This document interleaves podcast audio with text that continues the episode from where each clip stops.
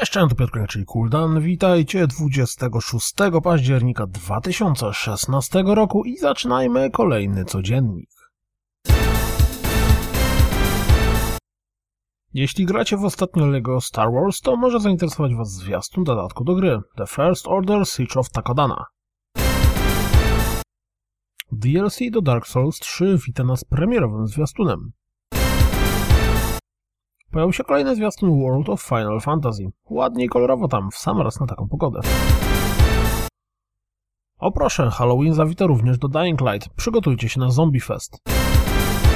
Jeśli tęsknicie za grami związanymi z białym szaleństwem, hehehehe, to sprawdźcie premierowy zwiastun Mark McMorris Infinite Air. Gra w tym tygodniu pojawi się na PlayStation 4, Xbox One i PC.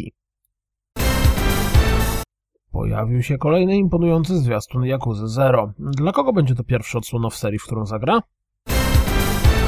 Pierwszy, być może pierwszy, a być może nie ostatni, sezon Hitmana zbliża się do końca i z tej okazji pojawił się zwiastun zapowiadający ostatni odcinek. Resident Evil 7 prezentuje kolejne dwa krótkie filmiki z fragmentami gameplayu. Ciągnie Was do kolorowej platformówki 3D? To rzućcie okiem na zwiastun Ginger Beyond the Crystal, który to właśnie zawitał na PlayStation 4, Xbox One i PC. Jeśli interesujecie się Dishonored 2, to sprawdźcie ten zwiastun, czy też dziennik deweloperski, gdzie poznamy trochę historii Emily. Tymczasem PlayStation VR wyprzedało się kompletnie na Amazonie US i Amazonie UK. Co więcej, na tą chwilę nie są znane terminy dostawy kolejnej partii sprzętu. Czyżby remake? Kolejny sequel? A może jeszcze inna wiadomość związana z Zero Escape? Trzeci sezon w Overwatchu zacznie się 1 grudnia, a drugi zakończy się 24 listopada.